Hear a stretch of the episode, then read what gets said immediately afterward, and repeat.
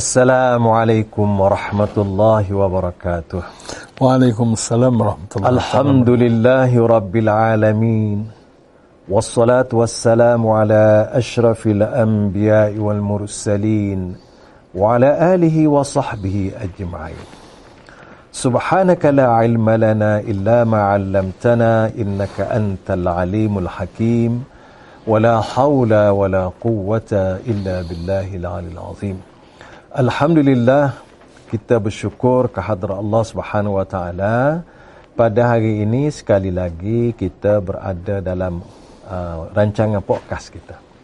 Cuma beza sikit hari ni nya hari Senin. Hari Senin. Sekala-sekala hari Ahad. Ya ya. Jadi kita pilih hari Senin ni sebenarnya ada ada perkara yang kita nak sempena. Hmm. Iaitu yang pertamanya ialah kerana ni hari akhir tahun Muharram. Ah. Dan kita insya-Allah kalau dipanjang umur kita akan menyambut Muharram yang pertama pada esok, esok hari. Esok hari. Atau malam inilah maksudnya. Ah ya ya. Ha. Jadi apabila kita apa ni memikirkan benda tu kita enjok daripada hari Ahad kepada hari Senin. Ya, berapa sikit? Bapak sikit. Ha, jadi kalau kita nak kecek uh, mu- awal Muharram ni, awal bulan Hijrah ni, kemarin jadi bahasa lama. Ha, Oh. Hari ni bahasa dekat sikit. Ya ya. Jadi tuan-tuan sebab- puan-puan sekalian, uh, saya harap sebelum kita pergi lebih jauh, uh, tuan-tuan share dulu buka uh, apa ni apa talian, share dengan kawan dan semua kenalan adik kakak yang boleh kita apa ni berkongsi pada hari ini kita insya-Allah kita akan bincang-bincang sembang-sembang berhubung dengan menyambut tahun baru Muharram, tahun baru Hijri iaitu esok pada start malam ni kita akan menyambut tahun baru Hijri kita yang ke serat- 1443. Ya. Hari ini merupakan hari terakhir Ya. ha? tahun 1442. Wah. Ya. Dan tuan-tuan sekalian, seperti biasa tak asing lagi tetamu kita yang berkongsi pada pagi yang mulia ini ialah Al-Fadil yang berbahagia Ustaz Muhammad Haji Muhammad Mustafa yang semua, semua kita telah kenal belaka dan alhamdulillah hari ini dia apa ni masih mempunyai kelapangan dan berbuat untuk sama-sama saya nak ucap ahlan wa sahlan Ahlan wa sahlan. selamat datang Ustaz Ahlan wa ke studio Barakallah. PTG Barakallah fikum. dan mudah-mudahan kita InsyaAllah. semua dapat menyambut hari baru hari tahun baru yang Ya. yeah. kita, lah, Ya, kita ya. sambut pada petang ni bermula pada ni dan hingga setahun akan Ya datang. ya. dan semoga uh, tahun tahun ini tahun yang terakhir ini kita setahun lepas dan Ya. tahun-tahun sebelumnya kita memohon kepada Allah Subhanahu Wa Taala supaya terima amal soleh kita Ya ya. dan pada waktu yang sama kita mengharapkan memohon kepada Allah juga supaya Allah mengampun dosa-dosa Wah, kita, ya. dosa kedua ibu bapa kita, pasangan kita, anak-anak kita, Ya. anak-anak kita, adik-beradik kita dan semua umat Islam. Ya. Lelaki dan perempuan sama ada yang telah pergi menemui Allah atau yang masih Allah. ada atau yang akan datang. Ya ya. Semoga Allah Subhanahu Wa Taala menerima doa kita, hasrat kita, hajat kita dan diberi apa yang kita minta dan harap dari dunia dan akhirat. Ya. Amin. Alhamdulillah. Amin amin. Ya rabbal alamin. Dia apabila dekat nak habis tahun ni ustaz, Ya. uh, habis tahun hijrah ni orang tidak berasa lah man. Oh. Tak serupa dengan tahun. Eh? Oh tidak serupa tahun Masihi. Masihi atau miladi. Orang Miladi. Hmm. tak berasa. Kalau kita di akhir bulan 12 31 hari bulan 12 tu agak pakak-pakaknya kecek, Oh. pakaknya cem- bui macam-macam kan? pandangan. Betul. Tapi apabila mari kepada tahun hijri hak kita ni hmm. kita tak cara mana. Oh, ni nasi nasi Islam. Nasi Islam. Oh, nasi di kalangan umat dia sendiri. Jadi umat Allah. Islam tak cara ke Tak diri, cara. tak cara ke nilai dia, Nilai dia. Oh. tak cara ke tahu dia. Hmm. Jadi orang panggil dia ikut ikut orang je. Ah, ikut orang. Mana jati jati diri itu tidak terserlah. Ah. Dan kita alhamdulillah pada satu-satu waktu apabila nak mari bulan Muharram ni orang pakai ingat Ah, iyalah. ah, nak sambut satu Muharram. Betul. Lepas tu hak besarnya nak makan surah. Tapi sendan ni orang tak makan surah lah man. Ada ada. Ha. Ha. Kita pakat buat apa ni amal ibadat, sepuluh Ya, puasa, sepuluh asyura kan. Ya. Jadi ustaz tak apalah. Well. Sama ada umat Islam ni teringak belaka ke tak Ah. teringat. Tapi kita kena ingat. Ha, kena ingat. Ha, Kita khasnya umat Islam di negeri Kelantan, di Ya. negara kita dan seluruh umat Islam kena ingat tahun Hijri. Ya. Ni sejarah kita. Sejarah kita. Sejarah kita. Biar kita patut kita rasa bangga, rasa izzah sebenarnya. Ma- Rasa mulia dengan kita. Ya. Dan malah nak amat ibadat pun kena kira bulan ni. Bulan ni. Bulan ni. Ha, tahun ni. Hmm. Ha, nak pergi haji kena kira tak bulan Zulhijjah. Sadah. Zulai- Bulan Zulhijjah tu bulan Islam. Bulan Islam. Ha, gitu hmm. juga apa ni uh, Maulid Rasul. Ah. Semua tu cuma kebetulan je. Hmm. Bulan berapa, hari bulan berapa dengan tahun miladi. Ya, ya. kebetulan je. Betul lah. Ya. Kita kena kita ni buat hak asal. Hak Asah kita. Hmm. Hmm. Tapi nya jadi balik pari. Allah. Bila nak bila nak nak selesai barang Ah, ni itulah. sama-sama kita ya? memikirlah. Tak ada? Ha, itulah jadi macam hmm. macam kita maksudnya jadi jadi kau nyanyuk sejarah pula. Oh. Ha, kena menyakit Ya. nyanyuk sejarah ni balai juga. Hak tu orang panggil lupa sejarah ni. Ha, Ustaz. Ah. yang ni. Ah. Ha. Kerana tu boleh jadi kajian Malaysia Ah. pun letak sejarah ni pelajaran wajib. Ha, jawab cik. Ha. Nak, nak pulih balik. Ya. Hmm. Yeah. Ya. Pulih balik ha. apa ni apa ni kita panggil pulih balik. Hmm. Uh, nilai manusia Nilai dengan maha. sejarah. ah. Sejarah. Hmm. Uh, pada satu waktu dulu sejarah ni ambil tak ambil tak apa. Tak apa. Lulus tak lulus tak apa dah. Tak apa. Ha. Uh, tapi rupa-rupanya ada nilai yang besar Ah. sejarah. Hmm. Uh, sejarah ni enggak tarikh-tarikh ni sejarah Hmm. Ha, ni. Sejarah. Ha. Sejarah. Okey. Okay. Amu ingat benar tu Ambo di Madinah dulu. Ha ha. Profesor Dr. Ahmadul Ahmad dia kata, sejarah ni adalah guru besar kepadamu. Hmm. Guru besar kepada Hmm, Ha. ha, daripada sejarah ni kita boleh belajar, boleh berguru kepada sejarah. Dia tak ubah dah. Atau Tak apa? ubah dah. Tak ubah dah. Tak ubah dah. Ha, ha. Misalnya gapo-gapo Ha. tra- tragedi atau perkara yang berlaku pada tarikh tu kan. Ha. Orang tu dah betul dah lah. Kakak gitu ya. Tak ada Ah, tak ada apa-apa. Ah. Tak ada apa-apa. Ya. Oh. Baiklah ustaz. Okey. Kalau kita sudah tentulah kita nak sambut uh, tahun baru ni, Well. ramai orang buat rancangan baru. Ah. Biar walaupun tahun ni tahun hijri orang tak tak kira pun kita buat kira. Kita buat kira. Kita kena lah. buat kira. Bukan kita tak Tak kira. Ah. kira. Jadi orang letak Oh. kalau tahun biasa orang kata nak misi Hmm. BC Ah, BC ah, apa ni apa ni langkah-langkah yang ni Ah. ah. eh Ha, kalau dari bentuk negara, bentuk pejabat kan gitu lah biasa. Ha. BC misi Ah, misi. Ah, lepas tu program Program. apa yang nak diubah Ha. jadi kita klik kita Ha. kita klik kita ni apabila kita tinggal dah setahun kita kata Ya. setahun dah se- sebelumnya lah tahun Ya, ya. kita rasa kita kena baru mau Ah. baru mula Nak terjadi, ya. balik Nak tentang terjadi. visi misi kita Ah. sebagai insan Ya, ya. muslim Ya. Ah, jadi kalau kita boleh kongsi istilah Ustaz Ah. kalau Ustaz nak, nak sebut Ah. Ustaz misi kalau kita boleh kongsi misi Ustaz nak Ah, Ha. ya. panggil. sila Kalau memang biasa apa ni wawasan lah kita panggil. Ah, wawasan. Ah. Wawasan, vision atau mission ni biasanya dalam bentuk negara kan. Hmm. Ya. Ha. Ha, maksudnya dalam ni wawasan me- untuk mencapai kemakmuran bersama negara kan. ya betul Ha, dari bentuk pejabat pun kita juga biasa dia ada lah. Jadi, Ya. Hmm. yeah. walau bagaimana pun, hak sebenarnya orang tu. Orang Oh, lah. Orang tu. Pokok pakai. Pokok pakai. lah. Ujung jatuh. Ujung jatuh. je, Hak duk tulis tu. Oh. Tak tak ke mana. Ya. Duk situ dia. ya. Ha. Sepuluh negara. Kita Oh. negara ni bagai, bagai, Oh. orang kata, ah, bagai tak nampak. Orang tak nampak. Oh. Nampaknya orang Ha. Orang, bangun ha. ni, Ha. peratur kan. Ha. Ha. Itulah barang. Tu lah betul lah barangnya. Ha. Misi ke, gapo kan, orang tu lah. Ha.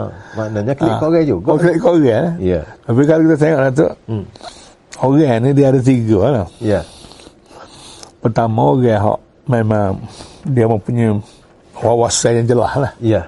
Ha, terutama wawasan hak, hak hakiki dan abadi lah. Betul. Wawasan ni pun ada dua juga. Hmm. Wawasan hak sementara atas dunia ni. Ya. Wawasan hak besar sekali, hak agung sekali. Wawasan hak hakiki, hak abadi, hak kita dah sebut ni lah. Akhirat lah. Akhirat tu lah, hak Ya. hakiki sungguh lah. Ya. Hak tu Ha, asas hak tu hak benar. sengati ya.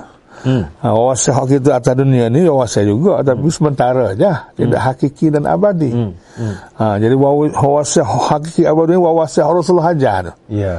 wawasan Rasulullah telah wawasan hakiki dan abadi Dia main ngajar kita. Ah, yang ngajar Letak- kita. Letak hidup ni biar je. Ah, biar je lah awak segah pun nama kita nak Ujung sebenarnya. jatuh nak gila kuat. Lagi ke mana ujung jatuh. Ah, ya. gitu. Jadi benda, kembali kepada kepada manusia segulung dengan manusia memang jelas wawasan dia Hmm. Alhamdulillah. Ah. Alhamdulillah kepuah lah kan ni hmm. ha, macam para nabi rasul ya. para awliya ada semua sekali lah hmm. so lagi orang yang tak ada wawasan langsung Tak tahu gam. tak Ah. tahu apa orang ni lah hak tersebut ulaika kal an'am ni Balhum adhan. balhum Ah. adah macam hayawan dan lebih sesak lagi tak tahu wawasan ke apa Ah. ada satu golongan lagi Mhm. ada juga wawasan tapi tak jelas mana dia hmm. mana apa yang panggil apa geta punya Duk kelabu. kelabu je dia ni tak tak sungguh mana Hmm. Ya. ada tiga golongan manusia yang kita boleh tengok atas dia Hmm, ni tak apalah kita nak ambil hak golongan tamu tadi wawasan Kita yang nak niru. Ha, ha, ya, ya. Ni hak comel. Hak comel, hak comel. Ha. Jadi kalau kita tengok wawasan ni, dia ada, kita panggil, mengenai kontak kita lah, kita kembali kepada wawasan Rasulullah lah. Wawasan Sallallahu hak, alaihi wasallam. Ya. hak hakiki dan abadi, wawasan hak sebenar, Ya. nah, dunia dan akhirat. Ya. Ha, wawasan yang agung itulah wawasan yang diajar oleh Rasulullah SAW Sallallahu alaihi dan dihayati oleh Rasulullah di sepanjang hayat dunia ni lah. Ya. Jadi kalau kita tengok apa nama wawasan Rasulullah atau visi visi lah visi ni benda hak, hak yang nak dicapai ya. Ya. Ha. Mis- Visi yang nak dicapai oleh Rasulullah dan juga semua umat Islam dan satu sekali ialah supaya dia dapat apa melaksanakan tujuan hidup dia. Ah. Yang Tuhan asal, Tuhan tujuan yang Tuhan buat ke dia tu lah. Mm-hmm. Yang Tuhan ada sebut, وَمَا خَلَقْتُ الْجِنَّ وَالْإِنْسِ إِلَّا لِيَعْبُدُونَ وَمَا خَلَقْتُ الْجِنَّ وَالْإِنْسِ إِلَّا لِيَعْبُدُونَ Ya. Aku tidak jadikan jin dan manusia kecuali hanya untuk mengabdikan diri kepadaku. Allah. Hanya itulah wawasan yang hakiki dan abdi hak sebenarnya. Iaitulah seseorang itu hmm. bercita-cita untuk menyempurnakan tujuan hidup dia. Ya. Ha, tujuan hidup dia untuk mencapai keredaan Allah, dunia dan akhirat Hmm. dan syurga yang dijanjikan di akhirat nanti.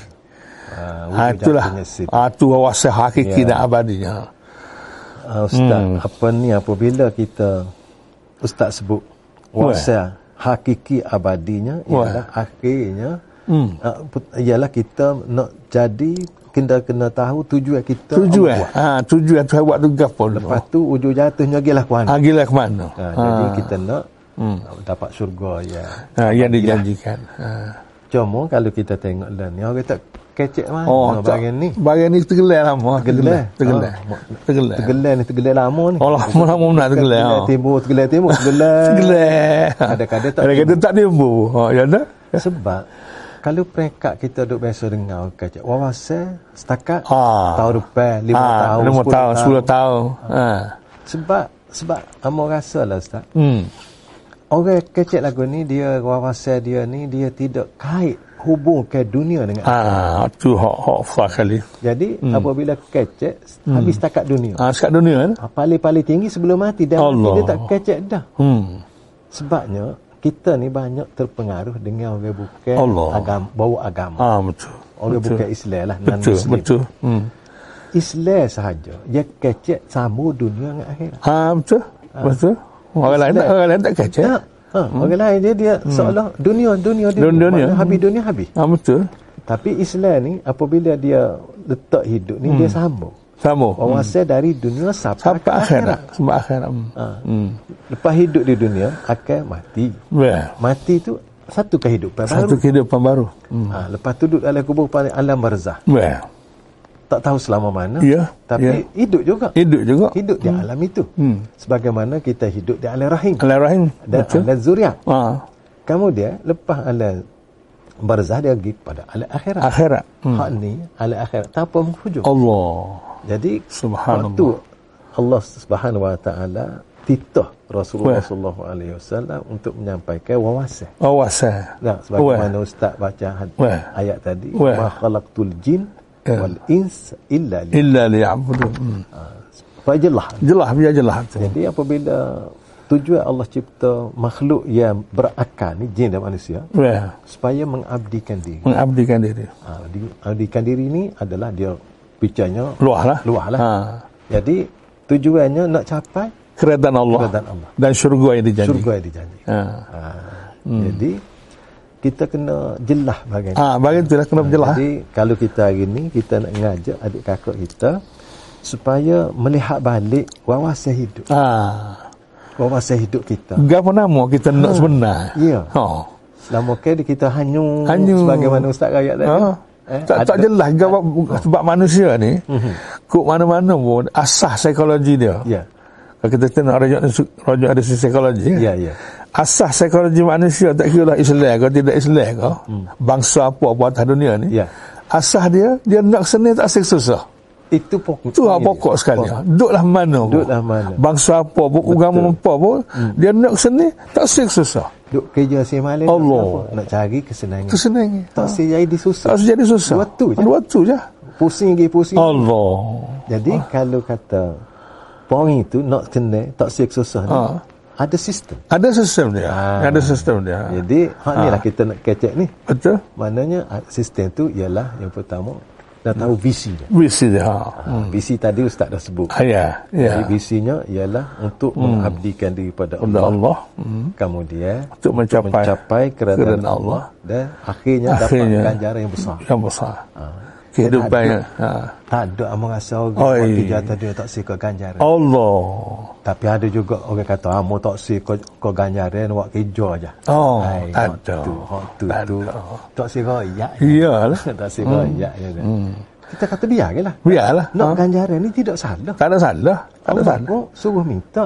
Ha. Sebagaimana Allah ajak, Rabbana atina Ha. fid dunia hasanah, Ha. wa fil akhirati. Ganjaran lah tu. Ganjaran. Oh. Ah, ya. Dia tawar, dia, dia tawar. Nah. Allah. Oh. Jadi, kalau sekiranya ada kata, orang mau buat kerja tak si kau ganjaran kerana sa- tak apalah. Ah, apa? Dia pun tak si kat biar. Biar. Hmm, Hmm. tapi kita pahit nak ganjaran Nak tidak ganjar. salah. Ah. Ha. Pasal Tuhan tawar. Tahu. Kalau benda tu salah, tak kira Allah tawar, Nabi tawar. Dia tahu apa tu suruh minta. Suruh minta pula. Oh. Oh, kata Anak- Allah kata, udu'uni, Allah. udu'uni astajib lakum. Ya. Nah, banyak hadis, banyak ada apa, banyak ayat Quran, banyak hadis suruh minta. Tawar dia suruh minta. Ya, ya, ya. Oh, ja- jadi kalau kita minta, hak bagai nak bui, Oh. bagai tawar kan. Mudah benar. Mudah lah, Pak. Moga-moga dia nak windah. Widah. Cuma minta eh. minta je. Ha, jadi alhamdulillah kita hari ni Hmm. kita balik semula kepada Yeah. visi kita, Ah, visi ma- Ya. kita. apa ni wawasan Wawasan kita, biarlah. itu kita kena jadi seorang hamba Allah yang Allah. mendapat keredaannya Kerana Allah. Ya dan juga mendapat ganjaran yang besar Yang besar. ha, di dunia dan akhirat. Ya. Okey. Cuma kalau sebut salah lagi atau Ya. Kalau sebut akhirat dia berkaitan dengan syurga neraka ya. Dia dua tempat tu. Dua lah. tempat tu ya. Dua zon tu yang ada. Ha, tak ada- tak ada. tiga. Yang tiga tak ada tanah harai kau kau kau tak ada. Tak ada Cuma- kecuali. Tak ada kecuali dua tu. Allah. Ti- Kalau tidak syurga kan neraka lah. Ha, kalau tak Wali Hmm, neraka ada. kan syurga lah dua tu ya. Cuma orang kita ni biasanya kalau bunyi syurga kan. Hmm. Dia tak ada berasa balas mana. Tidak rasa no. Oh, tidak jadi wawasan dia. Ha, jadi seolah-olah, seolah-olah lah. Hmm. Bukan semua. Bukan tak sah. Oh kata si seolah-olah kata ambo tak apa belakang syurga tak apa neraka tak seolah gitu. Mana Tapi tak ada tu ada gagal apa. tidak gitu. ha. Tak ada gagal apa. Tak ada gagal apa. Padahal lagi pun konsep syurga ni kata. Syurga yang menjadi wawasan kita ni. Dari segi konsepnya orang yang panggil tak apa jelas juga konsep sebagaimana Rasulullah royak. Tak tijak- Syurga tak tak jejak tijak- mana. Tak lah. tijak dah. Tak jejak mana. Dia syurga ni bukan sebuah rumah. Ha. Ha, duk was jangan was surga ni sebuah rumah. Surga ni bukan sebuah istana. Apa lagi banglo? Ha, bukan bangla. Tu- Surga juga bukan sebuah kampung, Ya. bukan sebuah bandar. Nah, sebuah pula kan tak. Surga ni sebuah negeri. Sebuah negeri yang Tuhan beri dengan se- segala kesempurnaannya, kelengkapannya. Dan negeri itu dilantik orang yang masuk surga ni dia tak masuk surga macam orang mukmin private biasa ni, dia masuk sebagai seorang raja. Allah. Iza ra'aita sama ra'aita na'iman Betul. wa mulkan kabira. Kalau kamu tengok di sana dalam syurga tu semua orang senilin belaka. Hmm. Dan kamu tengok mulkan kabira, kerajaan yang besar. Hmm. Mana orang masuk syurga ni masuk Tuhan beri sebuah kerajaan besar. Maknanya- Dan dia jadi raja yang besar. Ada situ. dia. Ah. Situ. Mana Ha, tu. ada semua semua Segah. semua sekali. ya? Sebuah negeri yang konflik. Yang tak ada dah nak lawan syurga. Dia ni surga ni we kos sorang-sorang dah. Sorang-sorang. Bukan Sa- kos singa orang Tak lain. ada kosi. Hak ni surga ni untuk lah. Sipulah. sebulan. Ha, sipulah. Sia dia. Lepas tu rakyat tu orang lain lah. Rakyat tu orang sana lah. Oh, Rakyat tu hak lain. Hak lain. Manusia ni jadi raja. Ah, manusia ada pada sini Hak yang layak j- jadi syurga ni. Masuk surga ni Surga. Ah. jadi raja dia. Saja dia tak jadi akan raja masuk situ. Ah. sebagai rakyat biasa. Semua orang masuk syurga. Hari kita faham adalah hadis Nabi Quran ya. Hmm. Semua orang masuk syurga ni dia tak masuk sebagai orang orang biasa. Dia masuk sebagai raja. Mulkan kabira yang memiliki kerajaan yang besar. Allahu akbar. Itu wasiat hak Nabi royak ni, hak Quran royak ni. Jadi orang orang hak tak biasa jadi ketua, tak biasa jadi Ha. kakak besar ni, Allah bagi pakat Dia dia. pakat ke dia. Tak ada hak hak tidak ada tu- keturunan raja pun jadi raja. Jadi dia. raja. Ha, tak oh semua orang masuk syurga dia tak masuk sebagai rakyat biasa. Dia masuk sebagai raja yang besar dengan sebuah kerajaan yang lengkap. Eh surga ni besar. Ustaz. Ha.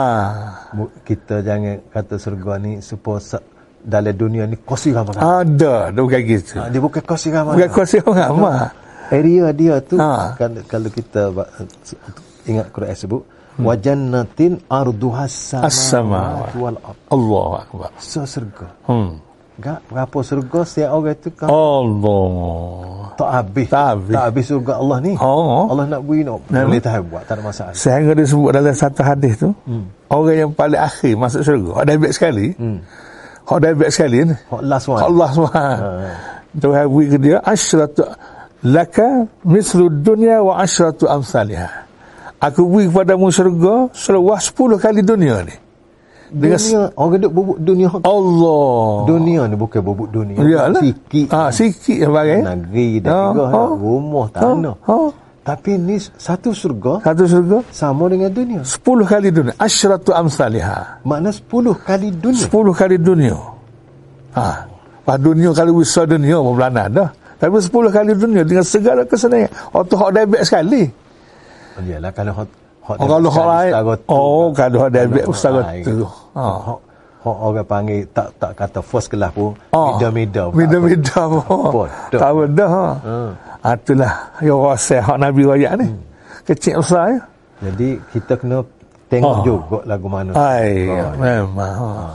Walaupun nikmat dalam surga tu tak boleh nak gambar. Oh, tak boleh nak Tapi gambar. Kena faham juga. Kena faham juga rumah. Ya. Ha. Sebab benda tu akan berlaku ya. Hmm. Malah kalau kita baca dalam surah Al-Waqiah Ustaz, Hmm. ah, surga ni bukan so. Ah banyak. Wait. Ah. Seorang tu bukan dapat so surga. Ya ya ya. Tapi ya. dia dapat lebih. Banyak. Wa- Allah Subhanahu Subhanahu Wa Taala sebut waliman khafa rabbi jannatan. Jannatan. Ya. Orang yang takut pada Allah boleh dua syurga. Allah. Orang lain boleh saja. So, Saya dia Allah beri dua syurga. Allah. Mana dua kali hot spot tak ada. Allah akbar. Subhanallah nazim. Enggak kalau orang kerana tu sahabat ke dia dia nampak Ah hani hani hani beza. ya. Hani dia beza. nampak sengati. Kerana tu apabila kita ingat hok nak perang tu Hmm. orang tu sahabat tu baru masuk Islam je. Allah. Dia duk makan buah tamar kunyak-kunyak. Allah akbar. Dia kata ya Rasulullah kalau hamba perang ni dapat gapo? Hmm. hmm. dapat surga. Dia pula lepas kali-kali. Allah. Dia, dia perang mati. Berasa lambat nak berhabis. Selamat nak Nak masuk. berhabis buah Ha, tamah. Wabi buat tamat. Allah Rabbi. Mana orang nampak? Allah Allah akbar. Orang tak nampak kat terayak lagu mana pun dia tak Allah. Hmm. faham. Tak faham. Ha. Kerana tu orang nampak dengan harta dia. Dia kata aku beri harta ni boleh masuk surga. Allah. Dia kan nak beri lah. Allah Rabbi. Moga dia nak kau barang besar. Bagai besar, bagai tahan lama. Barang tak nak Hmm. buatnya sikit. Sikit yang wadah. eh? Ha? Subhanallah. Alhamdulillah. Ustaz, Alhamdulillah. kita nampak Ustaz Rayak tu cerah. Ha, biar awak wasiat lah itu. Tu, Biar kita nak pergi tu nak. Ha, ha, ha, ha, ha. Jangan kita pergi tak nampak. Oh, tak nampak itulah. barang. Betul tak lah. Oh. Sedangkan hidup sekali ni tak ada lah. Allah. Oh. Kalau boleh hidup dua kali Kau boleh hidup dua kali bertahun kot. Ni sekali ni tak ada lah. Hari ni pun sekali lah. Ha, ha, Habis ya? Ha, semua sekala lah. Apa sekali? Ha. Hari hari Senin ni sekali ya. Sekali je. Ha. Hari Ahad baru ni bukan. Oh. Ha, dok dah. Habis habis tu. Tak ada lah. Hak Baru berlaku lah ni. Ah, lah. Allah. Subhanallah nazif. Itulah. Jadi rasa-rasanya Ha. visi tu wawasan. Ah, wasiat tu Kita biar nampak. je lah. Ha, biar je lah. Jadi ya apabila kita nak ke syurga kita tak siakan neraka. Tafsir dia sendiri dah lah. Walak azbillah. Maknanya tafsir susah lah. Tak siakan susah. Nak, nak seni ya. Ha. Hmm. Kalau orang nak susah juga tu tak apa-apa. Oh, tak apa betul lah tu. Tak betul lah. Wal iyaz billah. Auzubillah. Ha. Ha. Jadi Ha. kita minta dengan Allah Subhanahu Wa Taala supaya kita istiqamah Ha. dengan wawasan ya Allah. Subhanahu. Allah. Kita ni tak sebut wawasan lah weh. Oh. Kita pakai hak Allah. Ha, Allah ya. Allah. Oh, kalau kita ruasa-ruasa nak penipal jadi gapo jadi gapo. Jadi kita letak Ya. ilmu hak Allah. Wayak hak Rasulullah siapa jadi Allah. Itulah benda ya. Hakikat. Oh, tak sakit kepala. Ha, Hakikat Dia kepala fikir. je lah. Je lah. Allah Akbar Subhanallah ah. Kalau selepas wabah atau kita panggil Visi. vis- ah, Ha. Misi pula kita. ha, kena ada misi lah pula. Ha, ha. kalau visi tu benda yang kita nak nak capai kan Hmm. Ah, Vision Ni- dia panggil. ah, vision dia panggil atau wawasan Bahasan misi ni benda yang kita kena buat kita kena buat. untuk mencapai apa kita Oh, nak Apa tu. kita nak. ha, kalau tak buat ni tak jadi tu Ha. Ha. Ya kena selarah. ha, kena selarah lah misi tu Ha, ya, ya. Ha. Ha. jadi misinya bukannya payah mana sangat Hmm. Ya, Tuhan buat untuk nak mencapai vision hang tadi. Hmm. Ya Tuhan dua perkara. Ya. Buat yang dia suruh. Tinggal yang dia larang. Tu ya. Misinya. Melakukan apa yang disuruh. Orang dia suruh. Hmm. Meninggalkan apa Tinggal dia. yang dia larang. Oh, rekah. Eh. Rekahnya. Ha. Tapi kena belajar juga lah. Ilmu, ilmu tu. Ah. betul lah tu. Ha, mengikut tu. Ha. Ha, supaya kita kata. Ha. Ha. Nak naik nak Ha. naik motosikal. Ha. Ha. Belajar naik motosikal. Ha. Ha. Dia, dia tak boleh pergi kat sini. Dia betul lah. Ha, kena ambil lesen. Ah, ambil Kan? lesen. Hmm. Ah, maknanya, kita boleh perekah. Ha, perekah. Perekah. Nak, nak, lepas tu nak panjang, nak panjang tu kita, Ah. kita lepas tu lah. Ya lah. Lepas, iaitu ta'at Ha? pada Allah lah. Tak pada Allah. Tu Buat ya. apa yang disuruh. Ha. Lepas tu jangan buat apa yang Ini larang. Tu ya kerjaan kita. Misi kita. Bisi. Sejak akhir balik sampai mati. Hmm. Hmm. Jadi, Alhamdulillah. Ha. Jadi kita boleh nah, matlamat kita, vision Hmm. kita, kemudian misi kita ialah buat hak apa hak Allah suruh, Ya. tinggal hak apa Allah lagi. Well, hmm. itulah misi yang kita kena buat. Eh. Hmm. Sepanjang hayat sejak ak- akhir balik sampai mati. sama mati lah. Oh. Jadi hak Ya. apabila nak nak perinci sikit kita boleh perinci lah. Ah boleh perinci. Ha, Jadi kita perinci lah sikit. Well, Gapo hak Allah suruh. Ah. Gapo hak Allah lagi. ya. Yeah. Supaya kita ni duduk atas jalan yang betul. Ya betul, landas saya je lah. Jadi hak ni ni kena belajar. Ha, kena belajar lah. Ha, kena, nak, nak tahu tu. Ah. Kena tahu. Nak tahu tu. Ha, kalau hmm. dan Nabi sallallahu alaihi wasallam pun mari nak ngajar gan. Ha, benda ni hak besar Ah. kali ni. Hmm. Hmm. Ya. Jadi sila ustaz. Kalau Ya. ustaz nak ngajar. Apa nak yang disuruh tu semua kita bicara dulu lah. Ya. Ada hak suruh, hak wajib. Ha. Ha. Ya. Ada hak suruh tak sunat sebagai hmm. tambahan. Ya. Ha. Jadi Allah ni dia tak suruh saja-saja. Hmm. Nah. Ya. Setiap benda dia suruh dia, dia ada selalu. Ha. Ada Ada dia punya pakej ganjaran dia Ha, tu. Ha. ha, ada pakej ganjaran, ada lah giah lalu. Ada giah lalu. Hmm. Supaya juga hak dia lari. Hmm. Lari ada hak, lari yang haram, lari yang hmm. yang makruh. Ya. Ha. Ya. Jadi buat yang dia yang disuruh pun ada ganjaran, hmm. ada bayaran. Hmm. Tinggal yang dilari pun ada bayaran, Ada ada, bayaran. ganjaran juga. Tak ada tak saja dengan Allah ni. tak saja belaka. Tak saja. Dia, tak, dia tak suruh saja. Ah. Mana dia tak suruh saja, dia tak lari saja. Kalau kita Ah. dalam kehidupan kita ni suruh je boleh boleh Ha, ganjar eh. boleh ganjaran. Kalau kalau tak Larang. buat, kalau kalau buat hak kalau tak buat hak larang tak hmm. apa satu. Tak lagu satu. Ha. Tapi kalau buat baru kena Baru. kena hukum eh. Ha, kena hukum eh. Ha. Tapi beza sih. Hmm. Hmm. Bagi Allah ni Hmm. eh? buat hak dia suruh dia beri ganjaran. Ganjaran. Boleh pahala lah. Boleh pahala. Tak buat hak dia larang boleh pahala Boleh boleh. pahala juga. Tak ada Allah. dalam hidup kita Ya. semurah itu. Allah Akbar. Nah, semurah Allah Subhanahu. Ha, itulah. Nak Lah. Sebab ajak bit- buat hak suruh pun taat. taat. Tak buat hak larang pun taat. Taat Dia juga. Dia Ah, tahu poin taat tu. Ha, taat tu poin ya. Poin tu Ah, taat. Poin tu taat. Supaya kita kata hak suruh ni banyak kita faham. Hmm. Maya suruh maya, puasa, hmm. zakat, haji, suruh ziarah keluarga, suruh, suruh baik kamu. Ya, ya. Kita tak balas dengan orang. Ha. Balas ni bagai bagai larang. Bagi lagi. Yang dia lagi. Ha. Benar ke tak? Betul.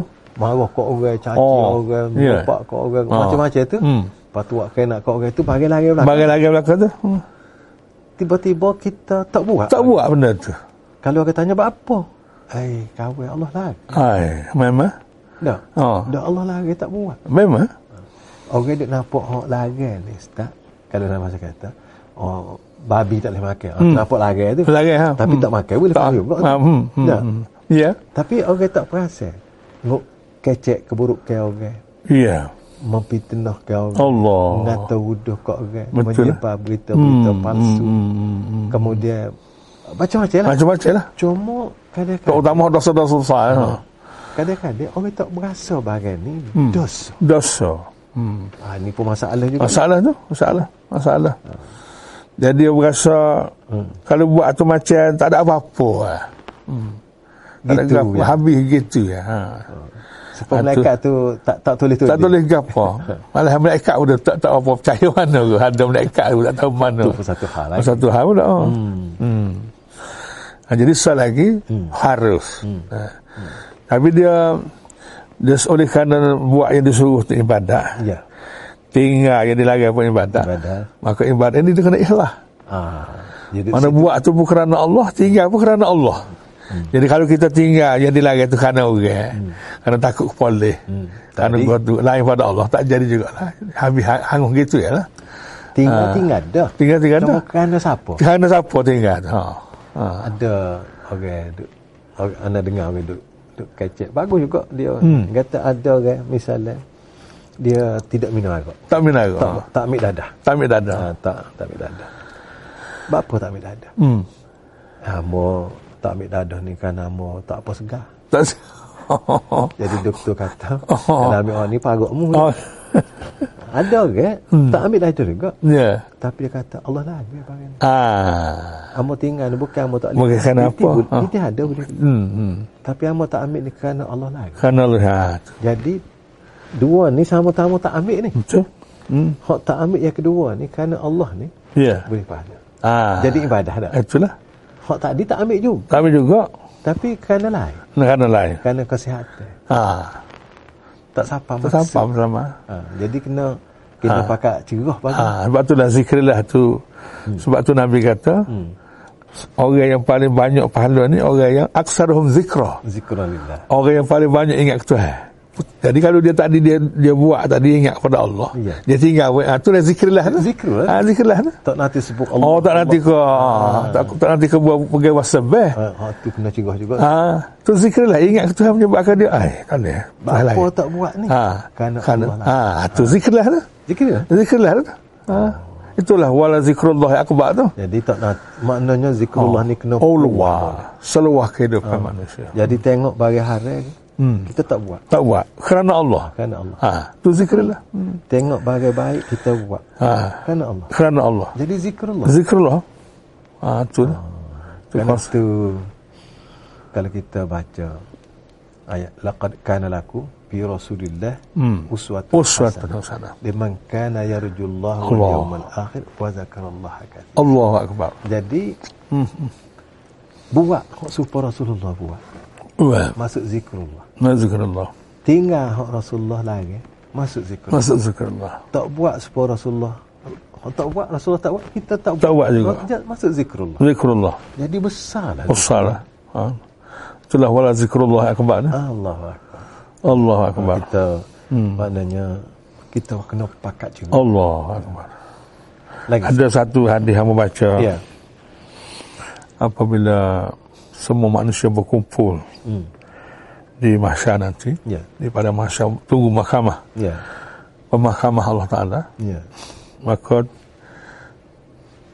terdengarlah satu seruan satu seruan hmm. siapakah di kalangan kamu ya orang yang tidak dilalaikan oleh bayun apa nama apa nama rijalul la tulhim tijaratun Tijaratun wala wala yabum zikrillah.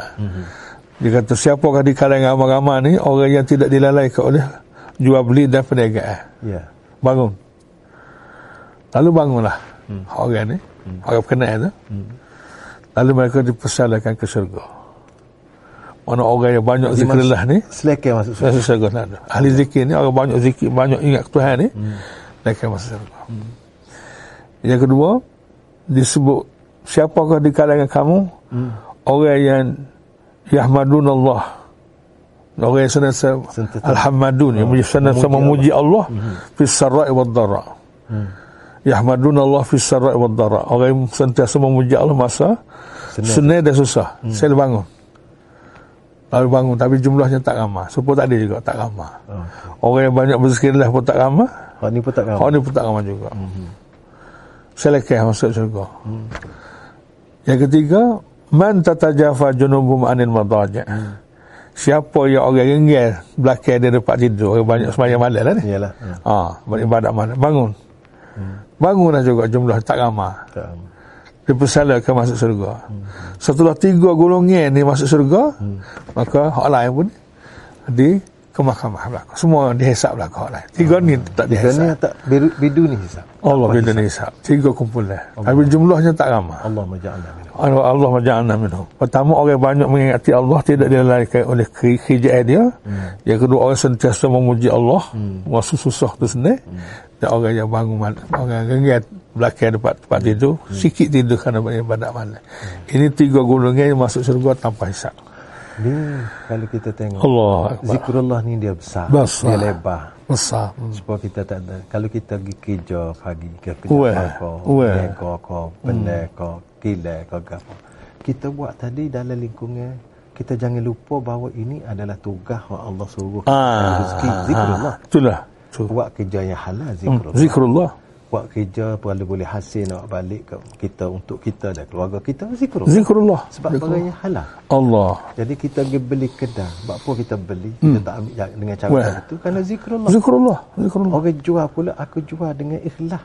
Wah. Aku jual dengan barang hak comel. Hak comel, tak nipu. Zikrullah. Hmm. Karena itulah uh, apa ni Allah suruh kita orang jual adil. Allah. Orang beli pun adil. Adil. Dan berlaku jual beli bul- adalah ibadat. Ibadah. Orang Allah. Oh. beli tak ada nak nipu, orang jual tak ada nak nipu. Allah Akbar. Jadi bapa hamo tak nipu. Hamo ingat pada Allah. Allah ha, tu. Ha, tu. Allah tahu kalau ha, aku tipu Ha, sikit. tu zikrullah. Ha, zikrullah kan? Begitu juga orang beli. Orang beli. Dia tak beli dengan PT palsu. Hmm, Tak apa. Aku salah beli. Salah. Aku Tak tahu. Ha, salah. ha. Gitu, kalau kita berus itu. Bah, Kat ya. mana orang tak beli, tak jual dalam hidup kita. kita. Kalau Masa dah. Kan Hmm. kita tak jual, kita beli. Sadah. Ha. Jadi, barang hok hok kita miliki ni, kita beli belakang. Hmm. Kita beli. Kita beli dengan ha- dengan dengan dengan duit yang halal. Ya halal. Hasil Hmm. Jadi, apabila kita buat halal, kita pakai barang halal. Bagi halal. Kita makan barang halal. Bagi halal. Hmm. Kita apa ni keluarga kita makan barang halal. Allah. Jadi apabila kita ingat pada sebab Ustaz sebut tadi, ingat benda-benda ni hak Allah suruh biar kita makan benda halal ni Hmm. adalah dalam zikrullah. Dan zikrullah. Hak tu hak besar. Dan zikrullah itulah ibadat. Ibadat. Eh. Matlamat ibadat itu zikrullah. lah. Baru baru capai. Ha, baru capai. Barulah hidup ni seluruh jadi ibadat. Eh. Belakang 24 jam tu. Hatta orang orang marah kat orang bukan Allah. Ha, kerana Allah. Marah pun jadi ibadat juga. Ibadat. Jadi zikir ada, ada boleh ada zikrullah. Ha. Ha, man ahabba lillah Wah. wa a'ta lillah Wah. wa abghada wa ha, ahabba lillah Wa wa abghadha lillah. faqad istakmala al-iman. Allah akbar. Sempurna. iman. Ha. Sempurna iman dia.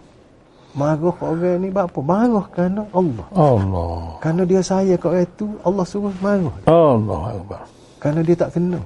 Betul. Dia dia sayang pun kerana Allah. Allah akbar. Jadi ibadat. Subhanallah. Kadang-kadang saya marah ni kan, fan kita. Amin ni.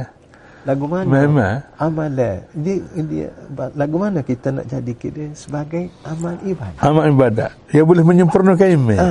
Allah. Kadang-kadang kita tak nak, kita nak marah, kita marah. Oh, tak tahu. Oh, marah ikut kita. Aku Ya, tak kenal. Ah, tak tahu apa nama dia. Pokok bakar lah. Ya, ha. Nak saya kat orang kat saya. Oh, saya. Dia tak tahu kiblat mana. Aku tak tahu. Jadi rupa-rupanya bagai Allah. saya, bagai kasih, bagai cinta, bagai benci ni adalah yang Allah letak dalam diri yang boleh kita jadikan ibadat. Ibadah. Ah. Allah. Ada satu peluang juga. Peluang tu hawi. Oh. Jadi Allah. kalau tak guna enggak Oh, bazir. ya? Bazir. Oh, Bazir lah. Allah. bazir. Subhanallah. Maknanya saja ya lah. Oh. kalau kalau kata bazir lagi nya Hmm. kalau hak bagai kita nak sayang ni tak kena dengan hak Allah nak. Allah. Ah. Bukan bazir lagi. Oh. Dah dosa Dia pula. berdosa lah pula. ya. Ha, amarah bagai hak Allah nak. Dosa pula. Dosa pula. Ya. Jadi bercanggah dengan arus berdana. ni. Hmm. Jadi perkara inilah kena kita Allah. Hmm, betul. Hmm. Ana rasa nak- kalau kena boleh kasih saya. Hak barang, hak barang hak paling besar hak Allah suruh. Hak kita buatnya ialah barang wajib lah. Wajib. Hak sunat tu nak Tambahan. nak, nak tambahan, nak Tambah. sempurnakan. Sempurnakan lagi. Boleh, boleh menyempurnakan lagi. ha. Wajib. Jadi hak paling wajibnya ialah beriman. Beriman lah. Beriman dengan Allah dan jangan mensyirikkan. Jangan mensyiriki Allah. Hak ni hak pokok, Pok- Paling pokok sekali. paling pokok. Dan semua nabi pun Hmm. bawa mari hak ni dulu. Allah. Sehinggalah Nabi kita sallallahu alaihi wasallam pun mari jumpa dengan orang ayuhan nas qulu la ilaha illallah. La ilaha illallah. Dia ajak hak tu, Hak tu nombor satu sekali. nombor satu. Hmm. Jadi hak dalam hak hierarki dia banyak lah. Ha, faham. Tapi hak ni duk nomor satu. Hak nomor satu sekali. Asas sekali. Ha, besar sekali. Kalau kalau sempurna sini, Hmm. Ha. lah itu Dengan- insya-Allah. InsyaAllah lah. Ha.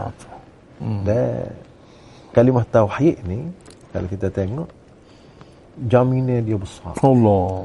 Sehingga Rasulullah kata, "Man kana akhiru kalamihi la ilaha illallah Ah, dakhala jannah." Allah Akbar. Subhanallah. Siapa-siapa ucapan sebelum matinya la ilaha Oh. illallah Allah. tentu masuk surga. Ya.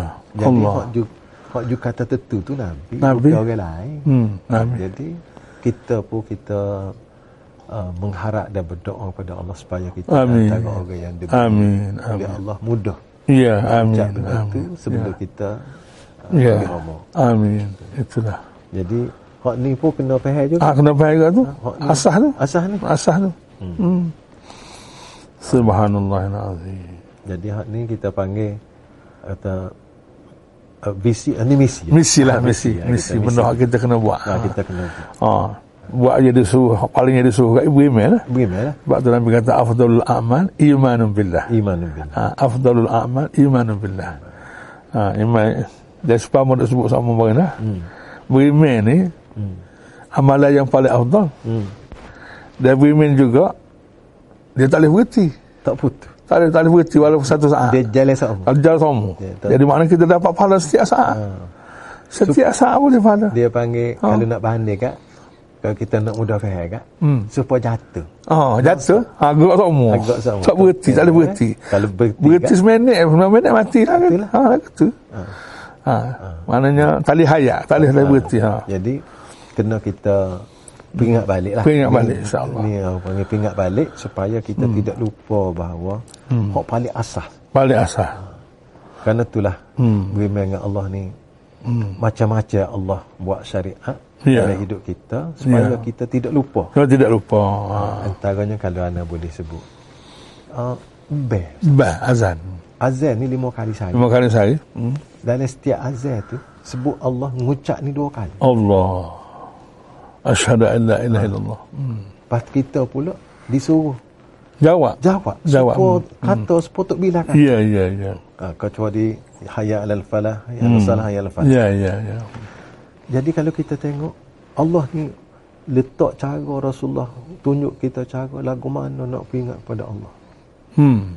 Walaupun o- walaupun band ni orang orang tukar band tu, muazzin ni bila lah kita kata. Well, Dia lah paling banyak pahala. ah, paling banyak Tapi pahala. orang lain boleh juga. Boleh juga. Kerana jawab dia. Jawab pahala. Alhum, jawab pahala. Ha, jawab pahala tu boleh juga. Boleh juga. Jawab jawab azan. Ha, jadi dalam azan ni dua kali asyhadu an la ilaha Asyhadu an la ilaha illallah. wa asyhadu anna Muhammad Rasulullah dua kali. Allah Akbar. Jadi rupa-rupanya ngucap dua kalimah syahadat. Well, Kadang-kadang orang tak perasan. orang tak puasa. Orang tak puasa. Pasal nak suruh ingat seumur. Suruh ingat Eh. Bagai seumur. tu jangan lalai. Ingat Allah. Hatta apa nama tu dia juga menjadi dakwah Hmm. kepada orang bukan Islam. Ha? Tapi orang kita kalau boleh kurang sikit biar biar orang bukan Islam tu faham bel tu gam. Dia dengar dah bel tu. Dia Ya, dengar dah. Dengar dah terutama hak duduk kat masjid eh. Ya. Dia kata ke lima, lima kali saya juga dengar je. Ya. Tapi kita patut orang Islam ni kena wis apa makna bel tu gap. Ah, Ah, tidak. dia ada faham bahasa dia tu. Ah. Ha. Tapi puak kita pun Ustaz tak Puak- boleh juga. Kadang-kadang buat kita tak faham. juga. Moga bahasa ni bahasa Arab ni. Tak tahu buat kita buana juga. Pun nak juga. Oh, itu tak tahu. Tak faham juga. Tak payah juga. puak. Ah, tu lah. Tu lah. Dah kita tak payah. Tak boleh nak Tak pakai. payah Eh. kau orang orang kita tak faham. Sepatutnya tak boleh dah. Tak boleh. Dah pakai payah dah. Dia tahu pakai baru faham, ni dia dah kena ada ni. pakai wih faham. Ah. Ha, kena sepuh kulu, lain semua Rasulullah. Namanya dulu juga. Kena teruskan lah kerjaan tu. Jadi Kerjaan tu kita- kena teruskan. Kita lah ni dengan dengan speaker, speaker pun Oh, dengan segala kemudahan semasa ni. kak. Asyhadu an la ilaha illallah. Makna tu ajar ngucap. Ajar ngucap ada tu. Ha. Tapi Ah. ustaz, kalau kita tengok walaupun aj- jawab azan ni uh, tidaklah jadi fardu ke Ya, ya. sunat tetapi dia besar. Besar, besar. Hmm. Besar. Jadi Besar bagai besar. be- bagai besar. Bagai besar. Ha, jadi orang dok panggil kita semaya, orang dok ajar kita ngucap, Ngucap, ah. panggil semaya. Ha? Ayat Allah panggil semaya. Maya, mengucap dulu pas maya pula. Ha. Pakitanya Allah. apa ni tidak berasa nak pergi tu. Ha. Hmm. Tak bergetar hati. Tak bergetar. Tak bergetar. Jadi kita nak masuk tahun baru ni. Ah, kita kena- kena- kena buat sikit. kumas sikit lah. Sabar Oh, pesih oh, ni. oh. Ah, Supaya Hmm. kita orang panggil beza lah. Ah. Tahun baru ni dengan tahun. Ah, ya lepas-lepas. Hmm. Ya. Lepas tak boleh nak karak. Dia kata apa dah? Ha, kita buat tahun baru kan. Ya. Ha, Jadi kalau pun kita kata lah ni kita tak boleh nak pergi lah di masjid. Hmm. Kita tak boleh nak pergi Ya. Hmm. sebelum sebelum dalam keadaan suasana Kau Covid ni. Covid ni. Hmm. Tapi kita kita kena jawab juga azan. Ah, kena jawab dah rumah. Kena jawab duduk rumah. Rumah. Lepas kita pakat semaya lah. Agak semai lah Jumaah dulu. Ha, Hmm. Jumaah deh. dulu, Jumaah Jumaah lah pun. Kau jumpa rumah. Ha, Jumpa oh ni kena buat. Kena buat. Ha. Paling tidak kan isteri anak kita. Ha. Jadi maknanya benda tu apa ni kita ular dalam hidup Ular. kita supaya Ya, kita ya. ni tidak lala dengan Allah Subhanahu Ya, ya. Allah Akbar. Cuma dah sempena dengan tahun baru ni. Ya, Ustaz.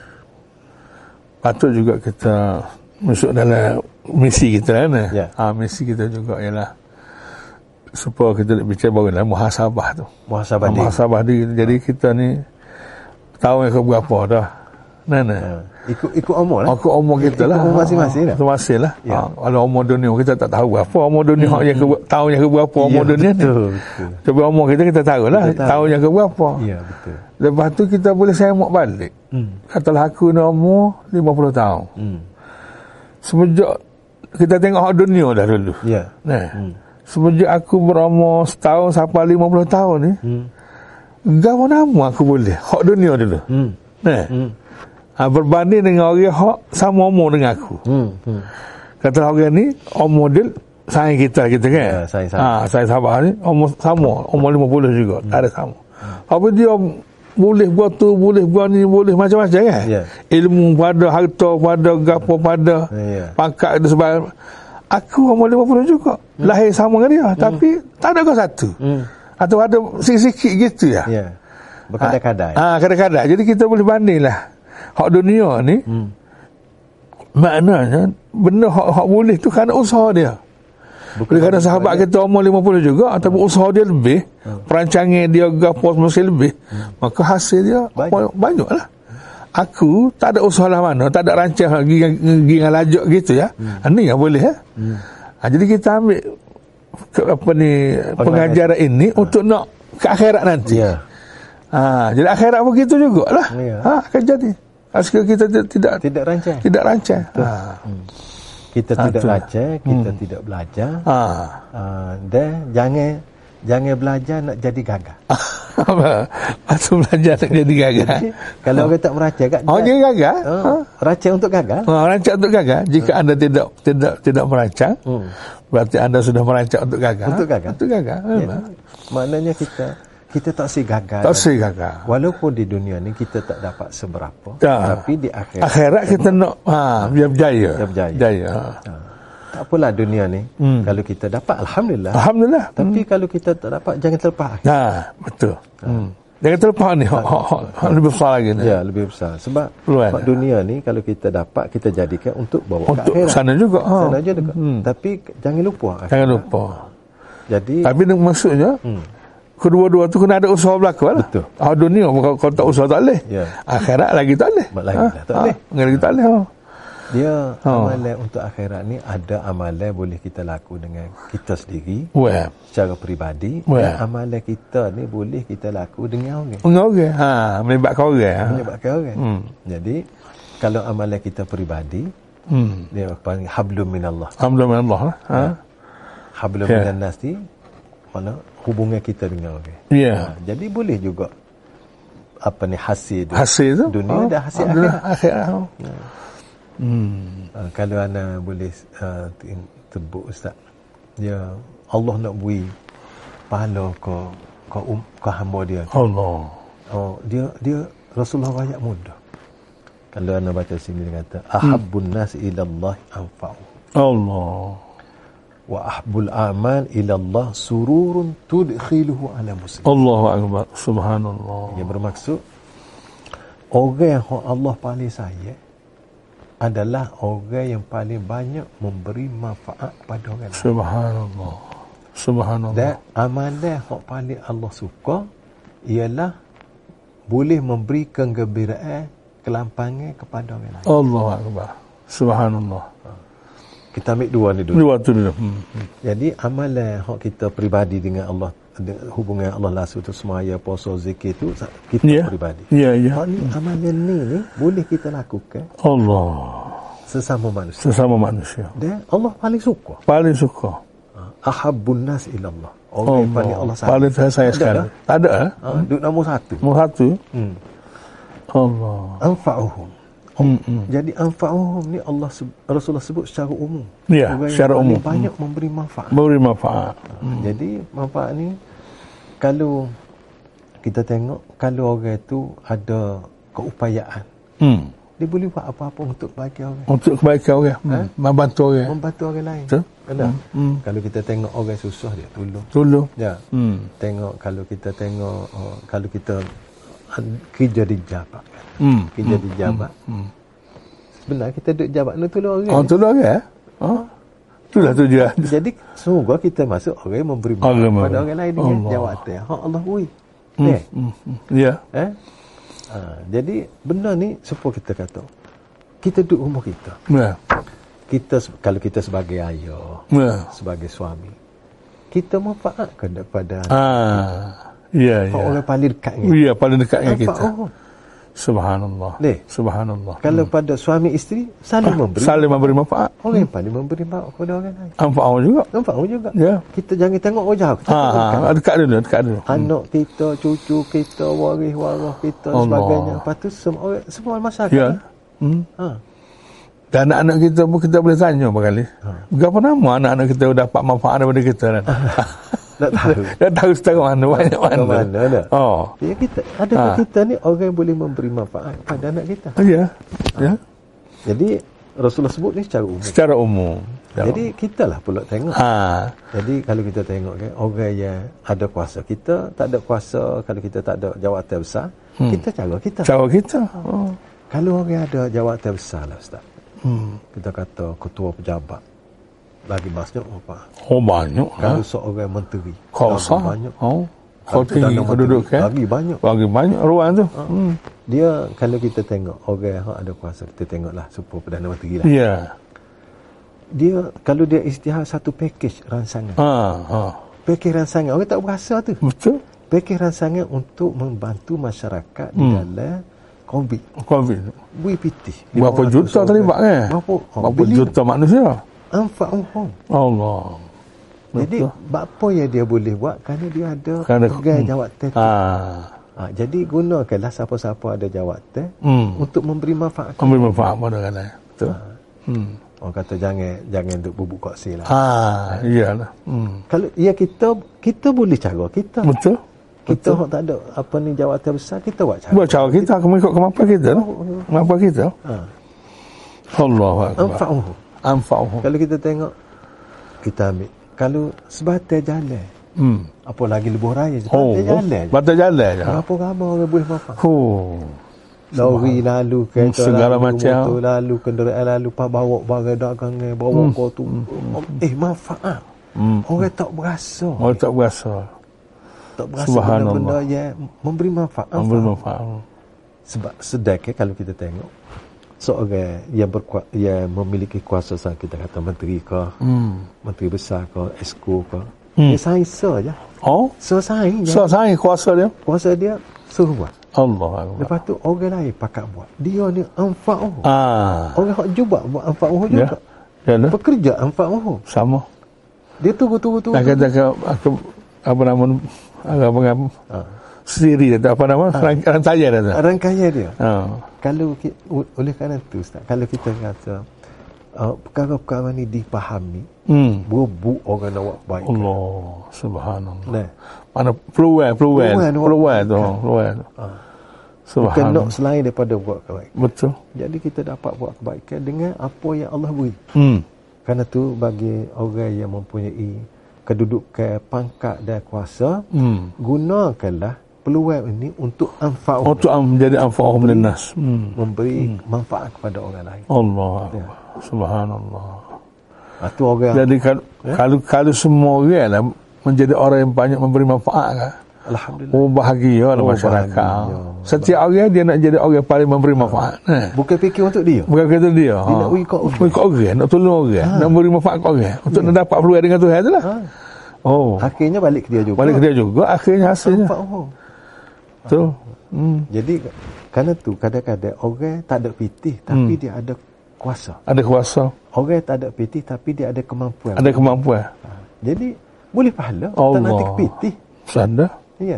Hak tu kita kena pe- nak hak tu nak orang kat panggil apabila kita pahal wawasan tadi. Allah wasan tu. Jadi dia breaker. Weekend. Weekend. Weekend. Ya, Hmm. hmm. Hmm. Paling-paling tidak kita kata duit. Tak banyak mana kan? Ha. Ya tak. Ya. Kata ilmu kita pun tak banyak mana nak beri manfaat kan? Tenaga, pangkat Ha. tak ada. Hak paling Tuhan beri kuasa besar kita, doa. Ah. Manfaat juga. Doa ni kuasa besar. Ya. Hmm. Satu kuasa yang Tuhan beri, di mana doa ni boleh pergi ke seluruh dunia. Allah. Boleh pergi Bukan kampung kita je? Dah, pas seluruh dunia boleh. Hmm. Pas ke dalam kubur pun boleh. Allah Pas ke mana pun boleh. Tuhan beri kuasa doa ni. Ya. Manfaat pun. Manfaat pun juga. Sehingga Nabi kata, Man istaghfara li mu'mina mu'minah. Ya. Falikulli mu'min wa mu'minah hasanah wahidah. Hasanah. Siapa beristighfar memohon ampun pada orang mukmin laki-laki dan perempuan, Ya. maka Tuhan beri pahala ke atas orang mukmin tu satu pahala. Ha. Atas orang, Atas orang. atas orang. Atas mukmin tu. Atas mu- seorang mukmin tu satu pahala. Ber- Berapa orang mukmin? Oh. Allah. Pahala kita berdoa, ya Allah, ya Tuhan, aku ampunkanlah dosaku, dosa dua ibu bapa aku, Ya. dosa keluarga aku, dosa masyarakat aku. Hmm. Ada dosa orang yang aku bersalah dengan dia. Hmm. Dan dosa semua orang Islam yang telah mati dan yang masih hidup. Hmm. Semenjak Nabi ada sampai kiamat. Allah. Tak masuk. Sepatah tu ya. Ha. Ha. Banyak mana? Oh. Orang kata kat Allah. Tanya Maknanya bila dah? orang boleh tak nak bila. Lepas tu kita minta pula supaya Allah bebaskan dia daripada neraka. Hmm. Nah, Allah ma'atik riqabana wa riqabahum minan nar ya. Ya. Akhirnya dia dibebaskan neraka kerana kita doa. Ya. Kita akan jadi anfa'uhum juga. Orang paling memberi manfaat. Ya. Mendengar doa kita. Dengan doa. Ha, ha, dengan doa kita. Jadi hmm. cara memberi cara kita nak nak ambil bagaimana memberi manfaat kepada Ha, orang lain ha, ni ha. macam-macam. Macam-macam. Ada dengan doa. Doa. Doa ni kita tak pergi jumpa orang. Tak jumpa pula Boleh. rumah kita ya. Ha, siapa Oh, tadi? Macam-macam online ya doa ni. Ha. Ha. Hmm. Lepas tu sambung sikit. Wah. Allah sebut Rasulullah sebut wa ahabbul a'mal ila Allah sururun tudkhiluhu ala Allah. muslim. Subhanallah. Hak dia salah kata amalan hak paling Allah suka. Tadi orang hmm. Ada orang ha, ni amalan pula. amalan iaitu satu kegembiraan yang boleh memberi kepada orang Islam. Allah. Gapo amalan? Hak kita boleh beri orang gembira. Orang orang suka. Orang suka. Orang suka. Setidak-tidak jumpa orang senyum. Allah akbar. Tidak masa rebel tak? Sadah. Ha, orang kata, oh jumpa. Sebab suka ni Ha, dia makanan hati, makanan perasaan. ya. Ha. Ha. Boleh jadi Ha. kita tak boleh nak wipiti kau. Ha, Ya. ada penting orang. Ha. Tapi makan kau orang pun tak ada. Tak ada. Tapi Hmm. kita boleh senyum. ha. jadi orang jadi bahagia kerana kita. Ah, ya. Kerana Suruh. kita. Suruh. Ha. Jadi, Balik orang. Ha. Balik tu orang. Mana? Gak senyum ni tidak kena banyak. Hmm. Allah. Dah, jumpa Ya. orang wis salah. Oh, weh, salah. Senyum. Dah. Oh. Bah, kalau boleh tinggi lagi, lagi hebat lah. Lagilah. Lagi hebat lah. Tapi maknanya semua Paling, paling, paling minimal. Ha. Paling Semua orang minimal. boleh buat dah. Semua orang boleh buat. Kan? Benar? Kalau dah semua Allah sikit. Akbar. Dia kata surun tudkhilu ala muslim au tukshifu anhu kurbatan. Oh. Atau boleh menyelesaikan masalah susah. Masalah. Dia susah. Susah. Sepolah ni kan. Apa masa-masa orang- ni kan, orang oh. PKPD. Ah, ah. Tak boleh apa ni nak pergi kedai ke beli. Allah Akbar. Ada pihak ia tolong pergi beli. Tolong. Boleh nyapa. eh? Tolong. bantuan. Allah. Allah. Ini amalan yang Allah sangat Sangat-sangat. Syukur. Subhanallah. Hmm. Eh? Kat dalam ni kan banyak kapur P- PKPD dah. Ah, memang. Tak boleh nak Tak boleh terbit. nak PT buat. lah. Ah, ada. Memang. Setengah orang tu ada PT. Sadar. Tapi tak boleh nak terbit. Tak boleh lebih. Hmm. Ha. Jadi Alhamdulillah ada ma- berbagai pihak. Ah. Hmm. KJL pun ada, NGO pun ada. Jadi kita nak Subhanallah. kongsinya nak nak beritahu kepada adik kakak bagi pihak NGO kau bagi pihak KJL kau yang telah membantu, membantu untuk ngulu Oh. siapa saja Semua lah yang terlibat. tu. yang, yang boleh yang telah memberi menyampaikan bantuan tadi bukan PT dia pun Betul. Hmm. dia tolong nyampai ya Ah. tapi suruh Suruh. Meng- Mengembirakan orang. Mengembirakan orang lain. Kalau tak sabit dia tak apa benda tu. Apa ambil panggil banyak apa. Hmm. Lepas tu menyelesaikan masalah susah kan. Allah. Kamu dia sarut lagi dengan au taqdi anhu dainan. Atau Oh. boleh menyelesaikan hutang. Utang. Menyelesaikan hutang ni bukan mesti kena pergi bayar tapi kita Hmm. kata hutang kata ke- kena bayar 100 kita kata tak juga kena bayar 50 lah. Oh. Memang hutang ni berbaloi juga sebenarnya. Ha. Dia kalau kita tengok hmm. dalam dalam suasana COVID ni, Ya. kan dia kata ke uh, bayar ke bayar ke bank tu tak kena bayar. Ha. Ha.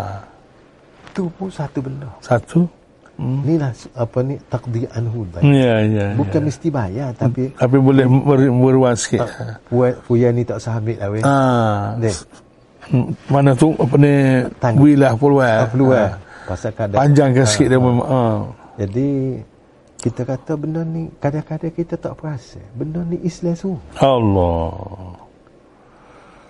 Ya. kita boleh jadi hak orang duk kecek kajian kata tak payah tak payah bayar dulu tak payah hmm. bayar dulu hmm. orang nak bayar bayar Hmm. Ya tapi orang tak bayar bil tak ambil tindak care lah Iyalah. maksudnya barang ni Islam ajar Oh, memang. Subhanallah. ini amalan yang paling baik jadi Subhanallah. kita pun nak nak kongsi dengan orang kerja dengan bank eh Iya. ni adalah salah satu daripada amalan mulia Alhamdulillah. orang yang beri hutang kat orang dalam keadaan keadaan susah Ya. dia kata tak apalah biar dululah bayar tu Ya. Boleh tertangguh Ah. ke Boleh sikit. tangguhkan. Bayar juga tapi tempoh masa Ah, tu. tempoh lain. Bayar sikit. Atau kecil bayar ha. Ah. Walaupun lama tu masa Ya. Masa pun lama Ya, tu. ya. Rupa-rupanya Amalan ni Amalan besar. sudah dianjurkan oleh Islam. Aduh, Islam Subhanallahilazim. Au tatrudu anhu ju'an Allah. Atau sesah masalah orang lapar Agak lapar. Ah. Kerana Hmm. itulah ah, Selagi dia kata Wali an amshi ma akhil muslim fi hajatin ahabbu ilayya min an a'takifa fil masjidi syahra. Allah. Anda kata kalau saya boleh sesah hari ni, Hmm.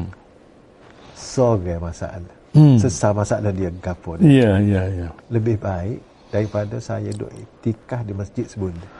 Allah Akbar. Kan tak ada Subhanallah. orang iktikaf masjid. Oh. Allah. Tak ada orang. eh? 10 hari terakhir Ramadan. Oh. Masa payah juga lah. Sada. Tapi Nabi kata dia iktikaf. Dia antikah kau orang. eh? Bukan dia. Bukan orang lain dia. Dia sendiri. Dia sendiri. kan, Aku iktikaf sebulan lebih baik daripada aku sesah masalah orang seorang. Lebih baik daripada aku iktikaf sebulan. Allah Akbar. Gak iktikaf ni pala iktikaf tu. Dah kat duk iktikaf baca Quran. Oh, Allah. eh, Macam-macam. eh. Semua banyak lah. Jadi besarnya tolong orang. Allah Akbar. Sah. Eh? Jadi hak ni wawasan hak kita kena Ah. letak ni. Letak ni. Hmm. Dalam kita hmm. nak menyambut hari ni, kita kata aku nak, nak tolong. Ya. Ya, ya, ya. Jadi hmm. kita niat nak tolong orang tu boleh. Oh, Oh. boleh pahala dah. Hmm. Boleh pahala dah. Lepas tu hak hari sekali ah, dia kata jangan marah. Ah. Wa man kaf wa man ka- kaffa ghadabahu satarallahu atahu aurat. Allah. Siapa-siapa dia nak marah kat orang dia, oh, Dia dia dia anu. Allah akan tutup kat aib dia. Subhanallah. Alhamdulillah. Alhamdulillah.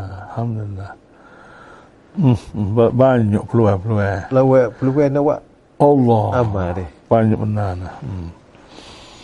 Mana bawa misi belakang lah tu. Eh, dah, nak- Bawa- kita bawa misi kita dah bawa tu. misi kita. Misi kita. Lepas tu, InsyaAllah kita capai lah. Hmm. anda duk tengok ada orang duk ngomong ustaz. Hmm. Ngomong orang duk kata ke dia. Hmm.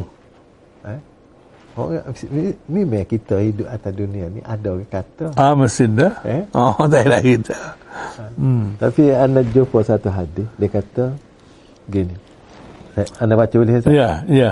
An Ulbah bin Zaid radhiyallahu anhu Ya. annahu qama min al-lail yusalli Mm-mm. فتهجد ما شاء الله ثم بكى وقال اللهم إنك أمرت بالجهاد والرغ والرغ والرغبة فيه ثم لم تجعل عندي ما أتقوى به Allah. ولم تجعل في يد رسولك ما يحملني عليه وإني أتصدق على كل مسلم بكل مظلمة أصابني فيها Hmm. في مال أو جسد أو عرض Oh.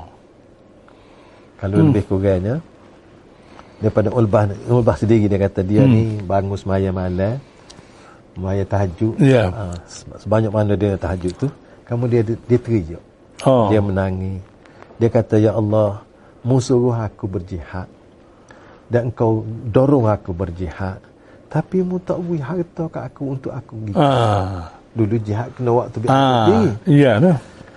Nah, tak Kamu ada. dia mu tak beri juga kepada Rasul mu harta untuk membolehkan aku um, uh, dia dia bantu aku. Ya, Pergi ya. berjihad.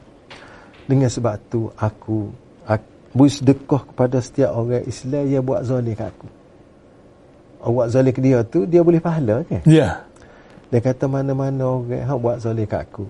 Sama ada zalim tadi buat tak kena, buat buat buruk, buat Ya. yeah. susahkan aku sama ada di segi harta aku. Weh.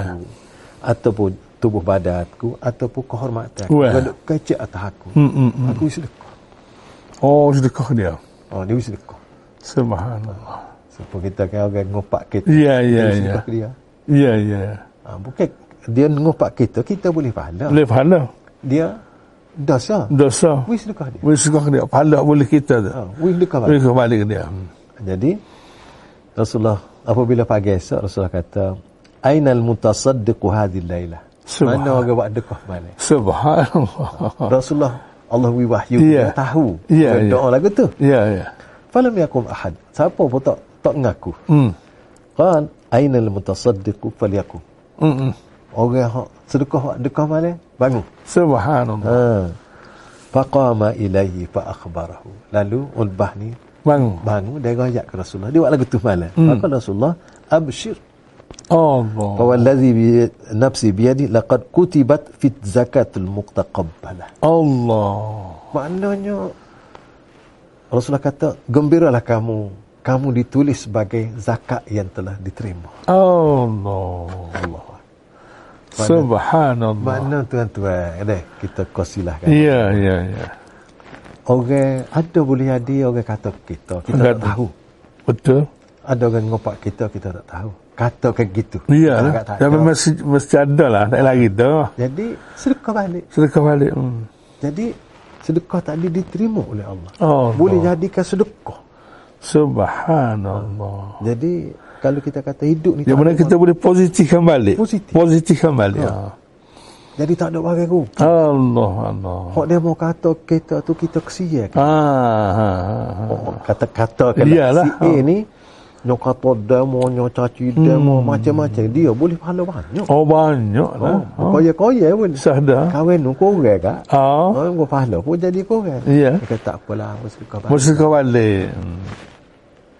Subhanallah. Dia sudahlah boleh pahala sekali. Boleh Boleh, pahala. pahala sedekah pun. Boleh pahala sedekah pula. Jadi dalam hidup ni kalau kita tahu Allah. Allah. bagaimana nak buat, Hmm, Ah. hmm, hmm. hok barang buruk orang buat kita tu boleh cari. Boleh jadi lagi. Boleh boleh kita semula. dalam bahasa dia. Telan. Orang tu hok dalam tu Oh, siapa? tu apa dah pun boleh kita lah. Boleh kita semua. Kita semua dah lagi. Jadi kau lagi berharga pula. Bogor tu Hmm. mahal. Pasal apa terima? Allah. Allah punya kerja. Subhanallah. Subhanallah alazim. Kalau kena tu amo nak kasi Ustaz. kalau orang kalau dia dia nak tua-tua adik kakak. Oh. Ya. Ya. Ada orang kata ke dia. Maaflah, Mana? maaflah. Mana? Kadang kita sedekah balik. Sadar. Pahala Sadar. kita tu kita sedekah. Sudah kau balik ke dia. Allah. Alhamdulillah. Jadi ini petunjuk yang kita boleh ambil hmm. daripada Rasulullah SAW. Sallallahu alaihi wasallam. Dia ik- dia rakyat zakat yang diterima. zakat yang diterima. Subhanallah alazim. Bukan sedekah biasa ni Oh, sedekah zakat. zakat. Zakat ni besar. Salah. Ha? Saudara sedekah. Ha, zakat. Ha. Ah, ah. Alhamdulillah. Ya Allah ya Karim ya Rabbal Alamin. Jadi kita klik ke apa Ah. dia kita Bis- bisi misi, kita misi kita tadilah dua je Ya. buat yang disuruh Ha. tinggal dia lagi Ha, ni pun masuk Ha, ni. masuk ni Tapi banyak cuma, ah, lagi lah. cuma Ustaz, eh. kedua-dua tu kena ikhlas kerana Allah Allah, kerana Allah. ha, sebab tu Fudai bin Iyad dia kata Hmm. apa nama tu kalau kita buat sesuatu kerana lain pada Allah Hmm. kita buat sesuatu Kerana? kerana lain pada Allah riak eh Ya. ha. Hmm. tapi dia kata kalau kita tinggal sesuatu kerana lain pada Allah pun riak juga juga. riak juga Mana punah juga. Punah juga barangnya. Ha, jadi Ah. Sup- supaya tak adil lah. ha.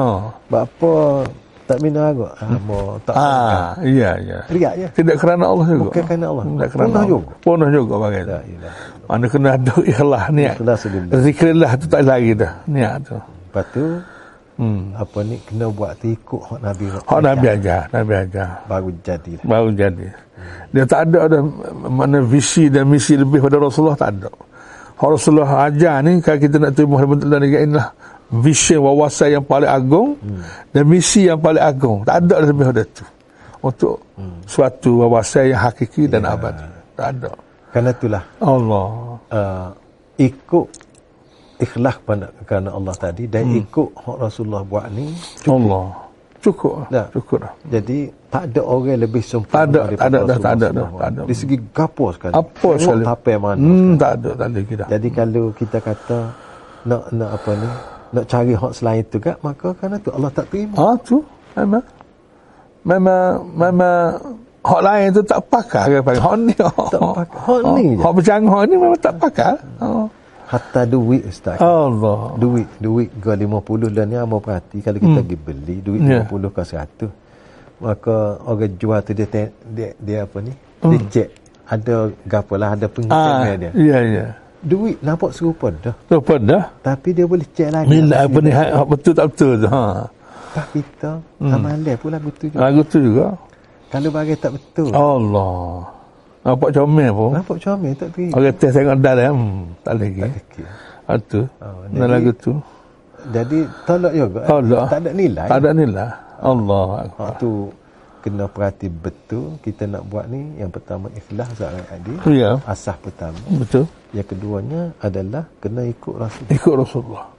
Ikut Rasulullah. Sebab tu hak hak tu hak kira SOP hak. Ha, SOP. Ha, SOP hak Baik. asal. Asal. Hak original. Jadi terima tak terima. Ha, tu betul. Kena tak ikut SOP ke apa? Ya. Tak, Apa? tak ada. Ah, Tak ada. Tak ada nilai lah. Ada nilai. Kerana Allah. tu kalau kita tengok benda ni ni dia bukan sahaja dalam bab amal ibadat khusus Nah, tetapi menyangkut juga dalam kehidupan. kehidupan semua Dia sekali. Ya, lain-lain. Ah. Betul. Walaupun dalam kehidupan lain itu dia lebih dasar-dasar tapi perinci tu daripada dia lah. Ya. Ha. Jadi seperti kita kata benda ni hak peribadi kita, hak keluarga, Hmm. hak negeri, hak negara. Ya, semua sekali. Semua sekali. Hmm. Jadi kalau kita tengok hijrah ni pun juga ustaz deh. Ya. adalah Rasulullah ajak mengajar kita, ajak royak mengajar kita bagaimana mengurus masyarakat. Oh. Hatta siapa negara. Allah akbar. Kerana itu Islam ni dilengkap. Melengkap, melengkap. Syariat Nabi kita Oh, lengkap. lengkap. Daripada peribadi siapa negara. Siapa kena kau? Hmm. Ha, jadi kita sebagai umat Islam kenalah ambil perhatian nak buat gapo pun Ya. biar ada contoh. Ya ada contoh. Ha, biar ada contoh. Hmm.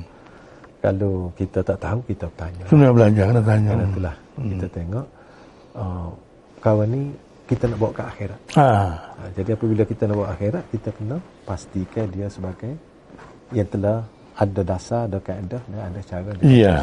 Ya. Ustaz kita mungkin siapa penghujung dah ni. Cuma soal lagi yang mau nak pingat. Ah, tu, Ustaz, sama, oh, Ustaz. satu poin lagi lah. Hmm. Dia ikut mana-mana pun Hmm. dalam, dalam misi hak buat yang disuruh tinggal dia larang ni. Ya, ya. Soal yang kita kena ingat ialah biar apa saja kebaikan kita boleh buat tu Ya. biar berterusan. Jangan duk tinggal setakat tu. Ah biar berterusan. Hmm. Berterusan buat semua lah. Seteruskan. Tak kira lah hak wajib pun berterusan, Ya. hak sunat pun berterusan, hak, hak kita sebut biar berterusan sama-sama. Istiqamah. Mas. istiqamah yeah, Ya, tujuannya supaya kita layak dapat pencen Ha. supaya kita bicara barang ni Ya. Nabi Rasulullah ni. Hmm. Rasulullah pernah sebut mana-mana amalan yang kita buat semaya puasa ke apa apa ni Hmm. atau sebagainya Ya. hak tidak berterusan tu dia habis kat tu sekat mati Tu lah. Ya. lah. Hmm. ha. tapi kalau hak berterusan tak kira hak, hak sunat ke hak fardu ke kita buat secara berterusan Hmm. Tuhan latih mereka khah dah lepas orang mati tak ada kubur kita Ya. untuk nak tulis mana-mana amalan yang dia buat secara berterusan hmm. diberi pahala terus sampai kiamat Ha. Setelah dia mati. setelah dia mati Allah. sebab dia dia dia ni kalau dia tak mati dia akan buat benda tu berterusan tapi tak ada arah dia dihalal oleh mati Terhalal tu. terhalal maka Tuhan beri pahala khusus pula kerana amalan itu lantik sama mereka tulis sampai kiamat Alhamdulillah. Allah jadi kita ni nak buat ibadat sampai kiamat tak mampu Nah. Ya. Ha, jadi Tapi- dengan kita buat amal berterusan tu hmm. dia beri pahala sampai mati. Buat istiqamah mana-mana. Ha, itulah kita kena ada istiqamah. Ya. Insya-Allah. Alhamdulillah. Alhamdulillah. Alhamdulillah kita pakatlah. Ya. Suasana kita ni ada Ya. masa lagi Wah. bagi orang hidup ada masa Ada masa lagi. Ha. Dan ketika kita hidup ni tak kiralah semasa kita sihat ke Allah. semasa kita sakit. Hmm. Sihat ke sakit kita sentiasa Sentiasa. Hmm. tidak, tidak apa ni tidak, sentiasa ada peluang. Sentiasa ada peluang. Ketika sihat cara sihat, Cara sihat. Hmm. lah. ketika sakit tak sakit. Jauh sakit Dan memang. malah ketika sakit tu kena rapat lagi dengan Allah. Memang, memang. berbanding dengan sihat. Memang sihat. Hmm. Jadi kalau kita sakit tak lagi kuat nada, mulut kita boleh sebut Allah boleh buka lagi. Boleh. Oh. Hmm. Kalau Hati boleh tika bergerak. sihat ni boleh jadi lorak banyak macam. Ah. Ha, jadi tika sakit tu ambil peluang. Ambil peluang. Jadi orang sakit pun boleh pahala, orang sihat boleh pahala. Hmm. Boleh pahala juga. Ha. Jadi jangan kita Ya. orang kita panggil uh, bazir. Ya, jangan bazir. bazir. Jangan bazir. Jadi alhamdulillah tu- tu- uh, ustaz kita Ah. uh, Okey. Okey. kita untuk hari ni start Ya. yeah. dulu dan Ya. insyaallah kita akan sambung pula pada InsyaAllah. waktu lain kalau InsyaAllah. waktu lain kita balik hari se- Ayat sekala hak, lah ayat hak baliklah. Ayat hak baliklah. Okey, insyaAllah. insyaallah InsyaAllah. Dan uh, tuan-tuan sekalian, Abang rasa itulah uh, penghujung perbincangan kita pada hari yang mulia ini. Ya. Semoga perbincangan kita ini sikit sebanyak dapat mengingatkan misi kita, uh, Allah. tujuan kita, matlamat kita hidup dunia atau wawasan kita dan apa perlu kita buat. Ya. Ya. Dan sama-sama kita doa supaya kita diberi kesihatan oleh Allah Subhanahu Wa Taala. Amin. Dan kepada sahabat-sahabat kita yang Allah uji dengan berbagai keadaan dan kesusahan Ya. ataupun penyakit supaya kita terima dengan reda Ya, ya. kita berusaha untuk mengatasi Ya. dan semua ini adalah untuk Allah kifaratkan Allah. rasa kita kita kena yakin dengan Allah buat Ya. yang terbaik untuk kita Amin. Allah tak buat yang tidak baik Nah, ya. InsyaAllah. tak marilah kita sama-sama Sama-sama. ya. kita uh, tutuplah dulu tangguhlah Ya. Ya. uh, perjumpaan kita pada pagi yang mulia ini Ya. dengan sama-sama membaca tasbih kafarah سبحانك اللهم وبحمدك أشهد أن لا إله إلا أنت أستغفرك وأتوب إليك بسم الله الرحمن الرحيم wal asri inna والعصر إن الإنسان لفي خسر illa allazina amanu إلا الذين آمنوا وعملوا الصالحات وتواصوا بالحق وتواصوا بالصبر subhanakallah سبحان الله Assalamualaikum warahmatullahi wabarakatuh. وعليكم السلام ورحمة الله تعالى وبركاته